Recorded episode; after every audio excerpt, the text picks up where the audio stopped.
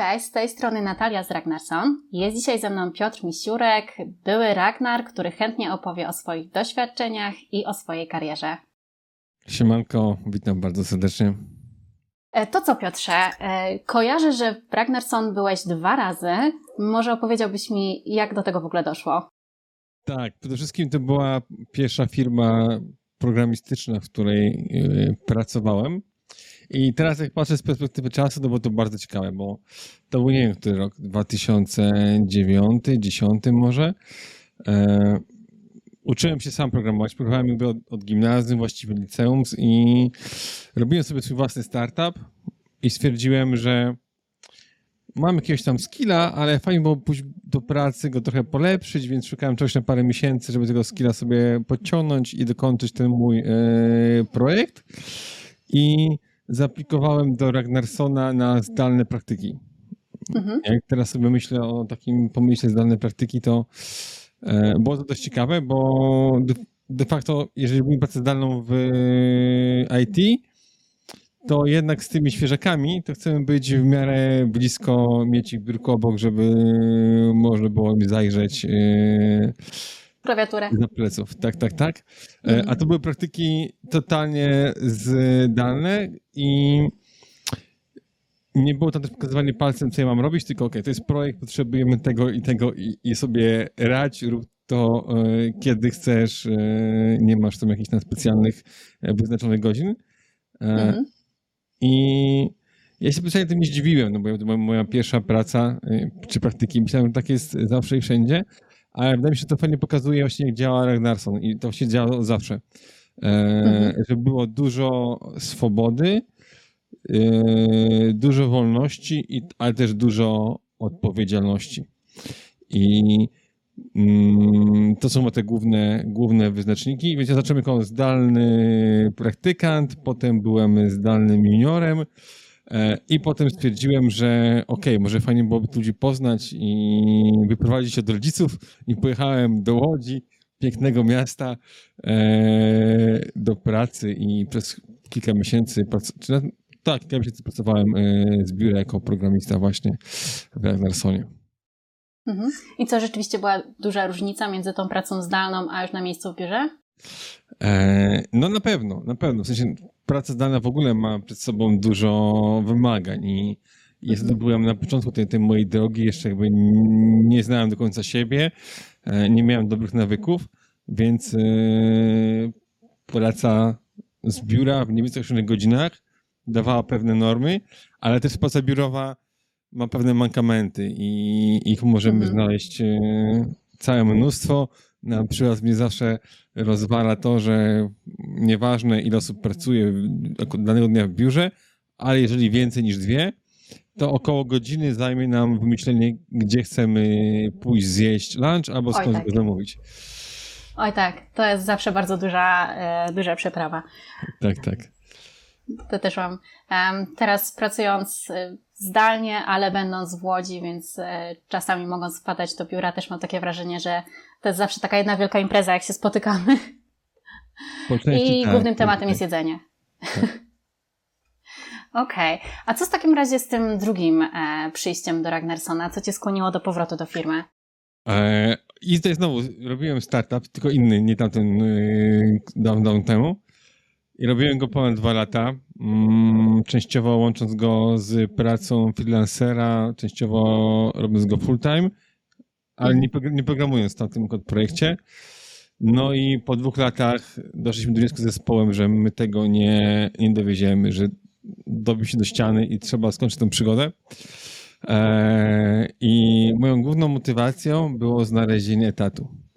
Po okay. dwóch, dwóch latach, kiedy 24 godziny na dobę, 7 dni w tygodniu myślisz o projekcie, e, wizja tego, że mogę sobie pójść do pracy i tam to 8 godzin popracować, i, a potem jakby mieć mózg, który nie musi myśleć o, o niczym konkretnym, logicznym, e, trudnym, e, wydawała mi się mega fajną wizją.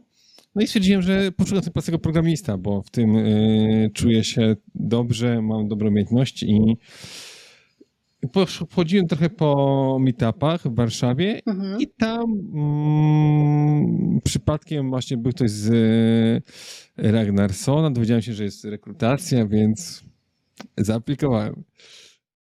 Okej, czyli stwierdziłeś, że może spróbujesz jeszcze raz, czemu nie? W Ragnarsonie już kiedyś byłeś.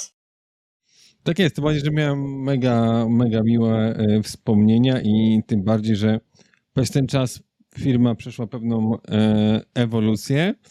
I jakby osoby, które, z którymi pracowałem mm, wtedy, no obecnie były u steru, u steru firmy, też były jakieś relacje prywatne, jakieś tam fajne wspomnienia z przeszłości, więc e, było na czym budować dalej. No właśnie, jakie zaszły zmiany w międzyczasie w firmie i wtedy, kiedy przyszedłeś drugi raz, bo e, no rzeczywiście zmieniliśmy trochę model i chciałabym, żebyś nam o tym opowiedział, jak to w twojej perspektywy wyglądało. To ja najpierw jeszcze może powiem, jak to wyglądało za pierwszym razem. I wspomniałem o tej jakby dużej Dobra, e, wolności jasne. i odpowiedzialności. I też była dość duża transparentność. M, Wydaje mi się, że Mhm. wtedy jeszcze nie mieliśmy Excela, gdzie każdy mógł zobaczyć, kto ile zarabia. To dopiero było za drugim Aha. razem, jak, jak e, dołączyłem.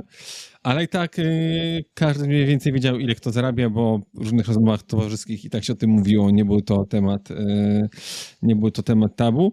Więc wydaje mi się, że już wtedy było takie miejsce otwarte, mm, w którym nie wystarczyło być tylko i wyłącznie takim programistą, wyrobnikiem, że masz tutaj od do i masz to zakodować i, i tyle. Jeszcze musiałeś pracować z klientem, e, mieć w miarę dobre umiejętności e, komunikacyjne, co na początku było moją Aha. piętą achil, achillesową. E, więc ta firma zawsze była dość otwarta. e, Praca zdalna też nie stanowiła problemu i w miarę transparentna i, i przejrzysta. Tym bardziej, że tamtych latach też Ragnarsson robił sobie własny produkt, e, Shelly Cloud, potem przemianowany Mhm. na Winnie Cloud. Mm, Powiedzmy tak, tak jak powiedzmy Heroku. E, I tam też mm, wpływ na kierunek, rozwój miał cały zespół a, i teraz miał ownership, a nie tylko e, prezes i więc to było mega fajne. Więc jak wróciłem, to mm, te wartości dalej były kontynuowane. E, Mhm. Już właśnie chyba był ten arkusz, gdzie można było sobie wejść i zobaczyć, kto ile zarabia. Mm, Gdy się, to jakby od razu nie musiałeś czekać na pierwszą e, wspólną libację, żeby dowiedzieć się tego face to face, wszystko było e, w Excelu. I jakby te wartości też były podkreślane właśnie, że odpowiedzialność i, i w projekcie nie mieliśmy takiej roli de facto jak, jak project manager po naszej stronie, czasami po stronie klienta jakby Mhm. każdy programista odpowiedzialny był za to, żeby dogadać się z klientem, miał z nim e, punkt styku. E, No i takim punktem przełomowym na dobrą sprawę był kryzys, i, bo to ciężkie momenty nas, Mhm. kształtują. Tak jak ja wspomniałem, że na początku moją piętą achillesową były umiejętności miękkie, przez to e, wysypałem jeden projekt i dzięki temu stwierdziłem, że to muszę pójść bardziej w tym kierunku i potem de facto e, moja Mhm. specjalizacja opierała się w dużej mierze mm, na tych umiejętnościach miękkich.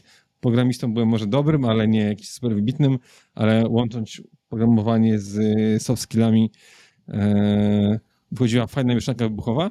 No i tak samo my w firmie mieliśmy kryzys, bo nagle dwóch klientów dużych z tego dnia na tydzień y, wypowiedziało nam y, umowy. No i nagle z firmy, która zatrudniała kilkadziesiąt osób i była w stanie utrzymywać parę osób poza projektami, jakichś tam internalach, y, na praktykach.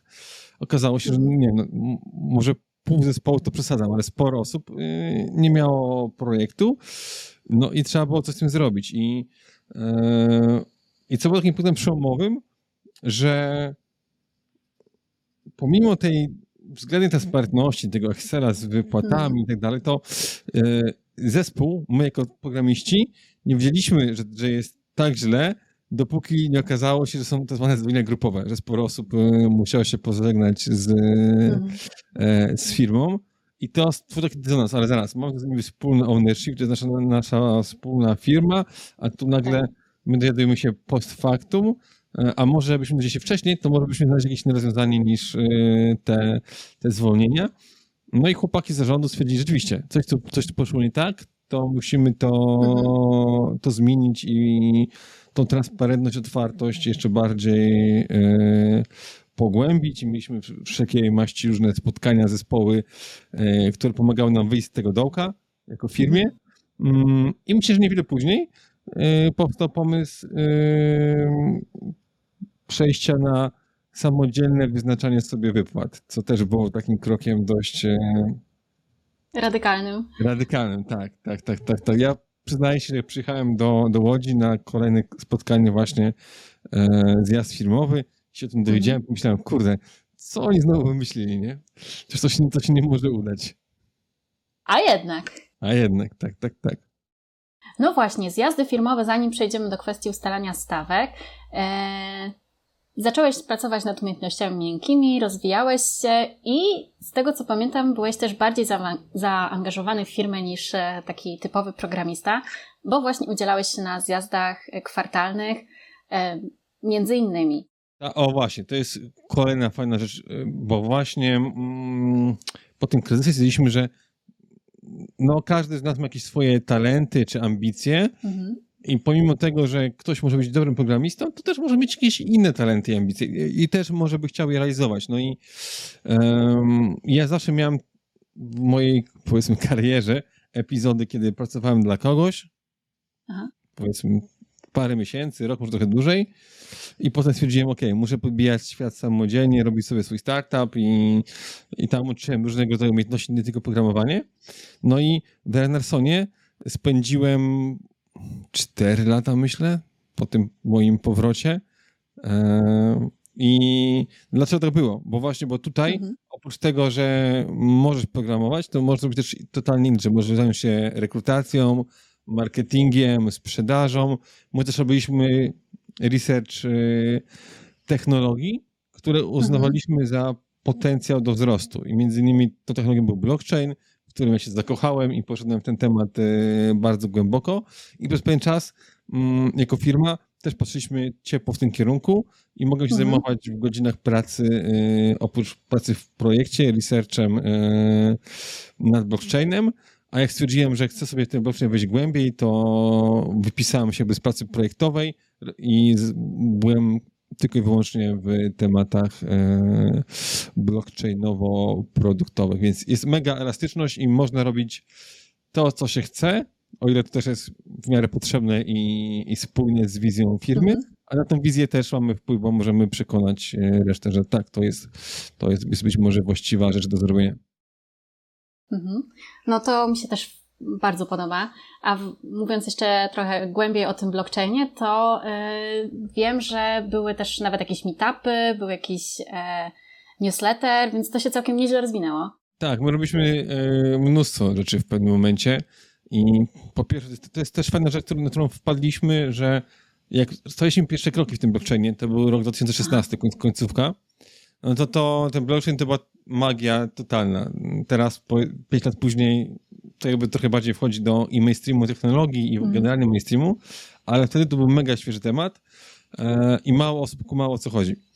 Więc my Mhm. stwierdziliśmy, że jak staramy się to zrozumieć, to czytamy mnóstwo materiałów, e, więc fajnie będzie robić też selekcję i to, co jest wartościowe, podawać innym właśnie w formie tego newslettera. E, Zrobiliśmy też meetupy blockchainowe w Łodzi, które były unikatowe w tym sensie, że nas nie bardzo interesowały kursy kryptowalut, tylko właśnie co tam można Aha. robić ciekawego.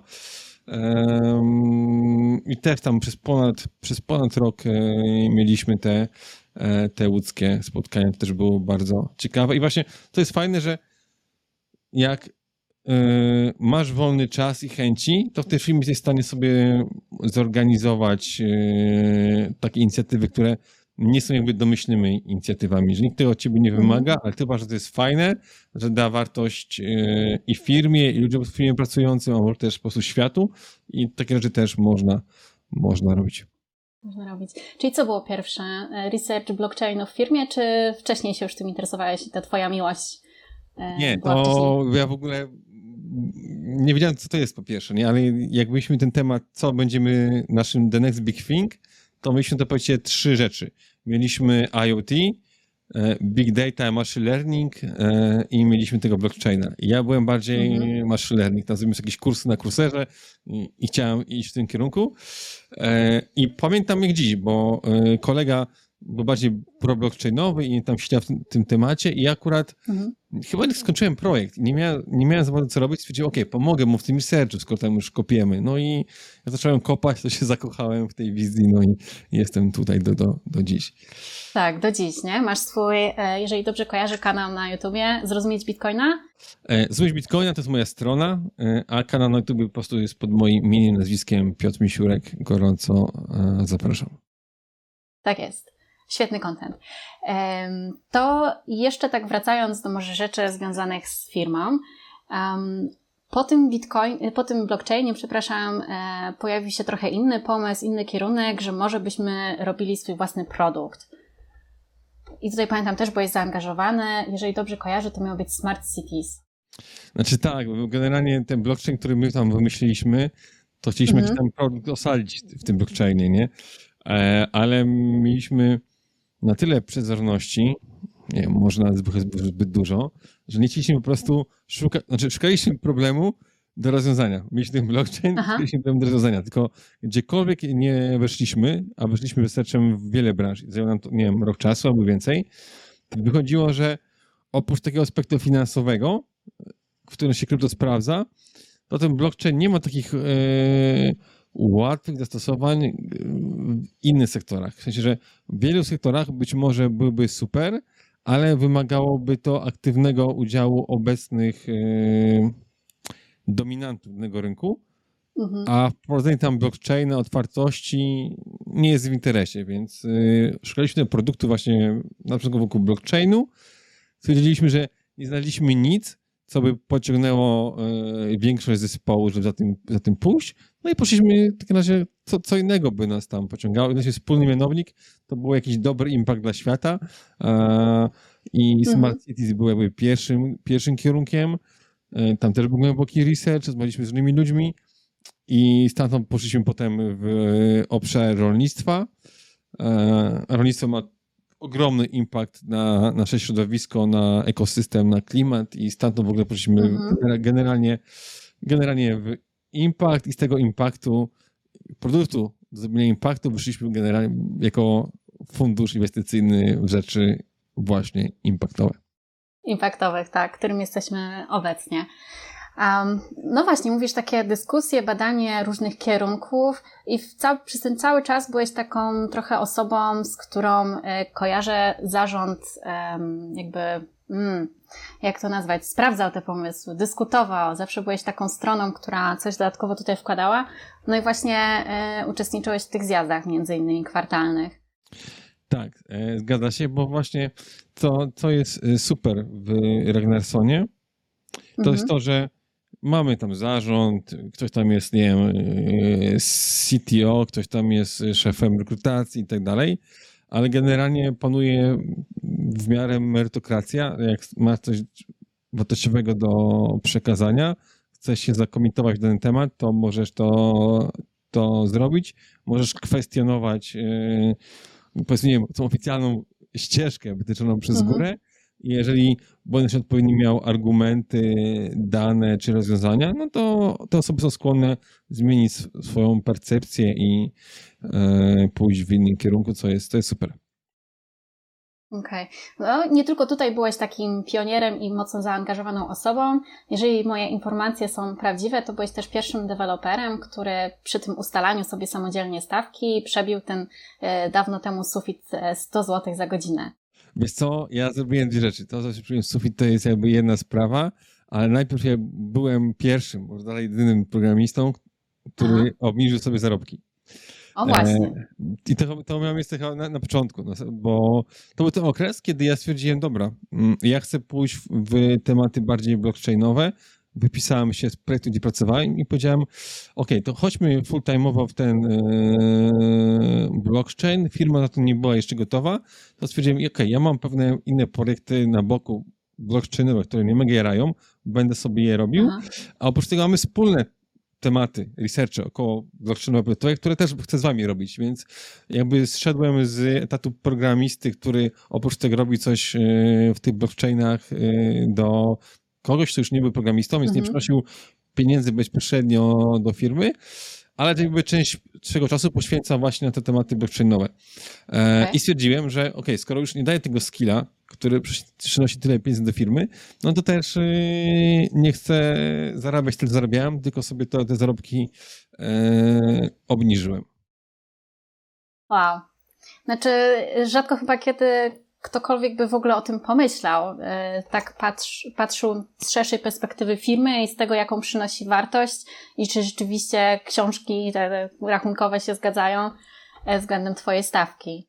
Tak, bo dla mnie jakby, no, pieniądze są ważne, nie? Ale jakby coś oprócz, tą, tą wartością oprócz pieniędzy, jakby tej wolności i swobody Renaissance jest to, że to jest taki trochę, nie wiem nazwać, praktyki. Mm, praktyki w tych obszarach nieprogramistycznych, że tam możesz próbować swoich sił, uczyć mhm. się, e, popełniać błędy za firmowe pieniądze, nie? Więc e, mega, nie?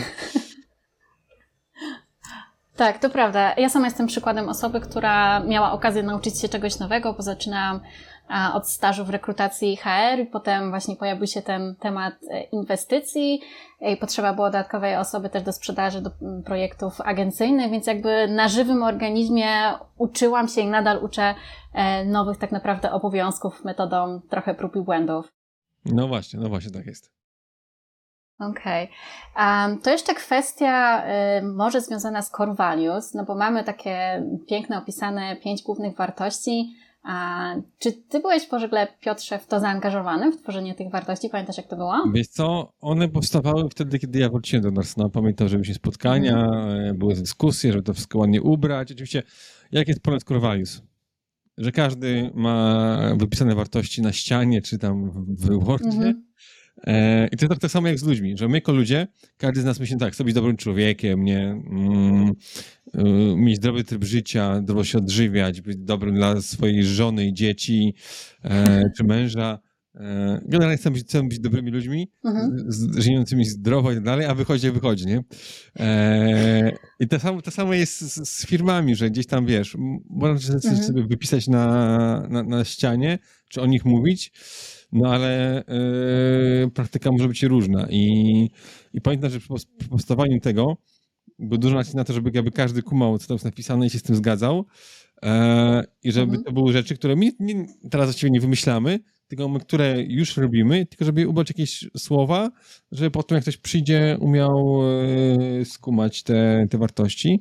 Oczywiście to też nie jest perfekcyjne, jesteśmy jak każda organizacja czy jednostka mamy swoje ułomności, też te wartości e, czasami są tylko spisane w niektórych kontekstach, jak się mhm. zapędzimy w tej bieżące, nie? Ale myślę, że e, dzięki tej strukturze, gdzie można kwestionować e, to, co jest mówione, powiedzmy, przez tą górę, to mhm. każdy może powiedzieć, ok, w sumie to, co teraz robimy w tym kontekście, to się nie pokrywa z tym, co mamy na naszym, naszej, naszej ścianie, więc może tego nie róbmy. Mhm. To jest i to jest fajne. Tak, czyli można uczestniczyć w tak naprawdę kreowaniu i um, kreowaniu kultury firmy, tak? I też y, można ją pielęgnować, można zmieniać trochę kierunek. To jest wszystko cały czas y, y, idący proces. Tak. Rozumiem. Um, Czego w takim razie, nie wiem, najważniejszego nauczyłeś się po pracy w Ragnarsson, o ile nie jest to zbyt ogólne pytanie? Wiesz co? Właśnie tego podejścia do tego, że okej, okay, można zabierać się za rzeczy, o których nie ma się pojęcia i mhm. można e, tam popełnić błąd i za który trzeba mnie zapłacić. No też przykład płaciła e, firma, więc, ale w praktyce życiu to jest to samo, że po prostu e, pełnienie błędów jest jakby wliczone w proces uczenia się. Nie jesteś w stanie od razu być wyjadaczem w czymkolwiek e, i pozwolenie jakby sobie i innym na to popełnienie błędów jest mega wartościowe z dwóch powodów. Po pierwsze, pozwala się właśnie uczyć i zdobywać nowe umiejętności, e, a po drugie, myślę, że pozwala być bardziej człowiekiem szczęśliwym, bo aż tak bardzo się nie spinamy, żeby być perfekcjonistami i mamy od, odrobinę dystansu. Tak. No ale żeby nie było, że te błędy w ogóle, yy, że tak powiem, przemijają bez echa, yy, zawsze jest potem feedback yy, dwa razy do roku przy okazji warsztatów, więc tutaj i wzloty i upadki zawsze są jakby podsumowane i mają tak. znaczenie. Jak wspomnieć o tych rezultatach i feedbackach, to myślę, że musimy to powiedzieć, bo e, wrócić do tego wątku wyznaczenia sobie stawek, bo jak ktoś to słyszy, to samo jak ja usłyszałem, to teraz sobie wyznaczamy stawki, myślałem, dobra, no to każdy dwie, trzy wybierze i, i, i za Tyle. pół roku nie ma firmy, nie? bo wszystko wybaruje z tego mm. budżetu. E, I wspomniałaś o tych warsztatach feedbackowych. I to jest tak. e, taki nasz zjazd, gdzie zjazd trwa parę dni. I zazwyczaj jeden dzień jest połączony właśnie na, na feedback, kiedy my spotykamy się w grupach. E, każda grupa ma parę osób, potem jest rotacja. Najlepiej spotkać się z osobami, z którymi pracujesz mniej więcej na, na co dzień, bo oni mają coś do powiedzenia. No i ty wysłuchujesz od tych ludzi, e, jak oni oceniają twoje prace, twoje mhm. postępy. No i jak to słyszysz, to potem na koniec dnia przed tymi samymi ludźmi musisz powiedzieć, jaka twoim zdaniem powinna być twoja stawka. Eee, i, I działa jednak na zasadzie, nie wiem, mechanizm jakiejś tam, nie przyzwoitości, mm. że jak widzimy, że w sumie to tutaj Zbyszek czy Artur jest ode mnie lepszy w tym, w tym, a w tym, a ja chcę wyższą stawkę, to może to, może to nie do końca jest e, spoko.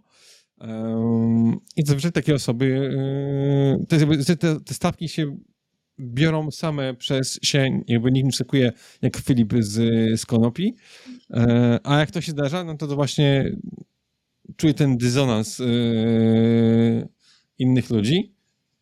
Tak. Coś chyba tutaj się chłopaku przeceniasz e, i jest możliwość też skorygowania się w tym temacie. Mhm, to prawda, jakiś taki mechanizm społeczny tutaj się włącza i działa. Tak. Tylko właśnie, bo też e, ja byłem w szoku, że to, to, to tak działa, nie? To, to jakby rzecz, póki tego nie przeżyłem na, na sobie, nie widziałem tego na własne oczy, to było dla mnie to jakby nie, niewyobrażalne, bo ja pamiętam też te pierwsze warsztaty i mhm. sobie stawki i to były okresy, kiedy chodziliśmy z tego dołka. Nie było dobrze, tam budżet to tam się ledwo spinał, nie? E, I były osoby, które z różnych powodów, na przykład takich, że nie brały sobie podwyżki od dłuższego czasu, czy mhm. e, miały jakieś duże wydatki, typu, nie wiem, budowa domu czy coś, potrzebowały teraz sobie wziąć e, tą podwyżkę. I był mega fajny mechanizm, że no inni też chcieli, tylko to było tak bardziej chcenie takie powiedzmy innego poziomu, nie tak, nie tak bardzo pilne. Mhm. E, I to było mega budujące, że te osoby stwierdziły, ok, to niech tam sobie wezmą, skoro jakby tego e, potrzebują, mają tego jakby mocne powody, a my sobie poczekamy na lepsze czasy, nie? I to też było bardzo, bardzo budujące. Tak. Myślę, że bez tej, po pierwsze, tych mechanizmy te społeczne to jest jedna strona, a druga strona to jest ta transparentność. Bez tej transparentności ustalanie sobie samemu stawek tak dobrze by nie działało, bo po pierwsze znamy sytuację finansową firmy, a po drugie wiemy, jakie może będą przyszłe projekty i tak dalej. Zgadza się, zgadza się. Tak, tak jest. Jakby, bo to jest trochę jak mm, z państwem. Każdy chce od państwa mieć jak najwięcej, bo nie rozumie mechanizmu pod spodem, że te pieniądze skąd się muszą brać, nie? I tak samo w firmie. E, my chcemy zabrać jak najwięcej, ale musimy mhm. spojrzeć, co się dzieje, co się dzieje pod spodem. No i oczywiście branża IT to jest są dobre pieniądze. Klienci płacą dużo, firma ma swoją marżę, są jakby udziałowcy, którzy chcą zarobić. I jeszcze my jako Renarson właściwie od tych, nie wiem, 3-4 lat szukaliśmy tego jakby produktu, e, tego blockchaina, Smart City, potem ten fundusz inwestycyjny i to wszystko też wymaga inwestycji, to wszystko też kosztuje. I tą świadomość e, miał każdy, który brał udział w tych warsztatach. To jest myślę jedna z głównych wartości, którą dajemy, taka dojrzałość i możliwość spojrzenia na więcej aspektów. Naprawdę nauczenia się, jak działa firma, bez konieczności bycia tym CTO czy CEO. Tak jest. No dobra. Mm, Piotrze, ja właściwie tak naprawdę więcej e, pytań nie mam, chyba że ja mam jeszcze jedną kwestię, bo musimy, musimy, musimy powiedzieć e, też bo mankamentach, o minusach, nie? Oczywiście, nie, dobrze. Nie, nie możemy... Nie może być różowo. Wydaje mi się, że dla mnie Ragnarsson jako miejsce pracy no, był najlepszym miejscem, bo ja właśnie mogłem rozwijać tam się jako, i jako programista i tych innych aspektach, które też mnie interesowały i, i to było super. Ale nie każdy, kto jest programistą, chce robić inne rzeczy. Nie każdy chce Mhm. gadać z ludźmi, nie każdy chce widzieć, jak działa firma. Więc dla takich osób, które e, ja sobie tu pokodu, pokoduję, ale nie chcę rozmawiać e, z klientem, niech mi tam PM narysuje, napisze, co mam zrobić i Mhm. ja to zrobię bez, bez myślenia, czy to ma sens, czy nie, to, to my nie jesteśmy dobrym miejscem, nie? No tak. Em, i To właściwie próbujemy zawsze zweryfikować na procesie rekrutacji, które wiem, że jest długi. Byłam po tej stronie właśnie, y, od, od tej strony bardziej rekrutacyjnej zaangażowana, Mm, ale staramy się znaleźć takie dopasowanie, żeby obie strony miały z tego korzyść. Tak. Tak jest. No dobrze, skończyliśmy takim akcentem, żeby nie było za słodko. E, Nasza firma też jakby jest dosyć specyficzna. To co, Piotrze? Kończymy chyba. Z przyjemnością. Dziękuję Ci bardzo w takim razie za Twój czas. Fajnie się rozmawiało. Bardzo ciekawie opowiadałeś o firmie i mam nadzieję, że naszym słuchaczom e, troszkę tutaj rozjaśniłeś, jak to wszystko funkcjonuje i jaka była tutaj ewolucja. Też mam taką nadzieję. Dzięki za rozmowę. Dzięki wielkie.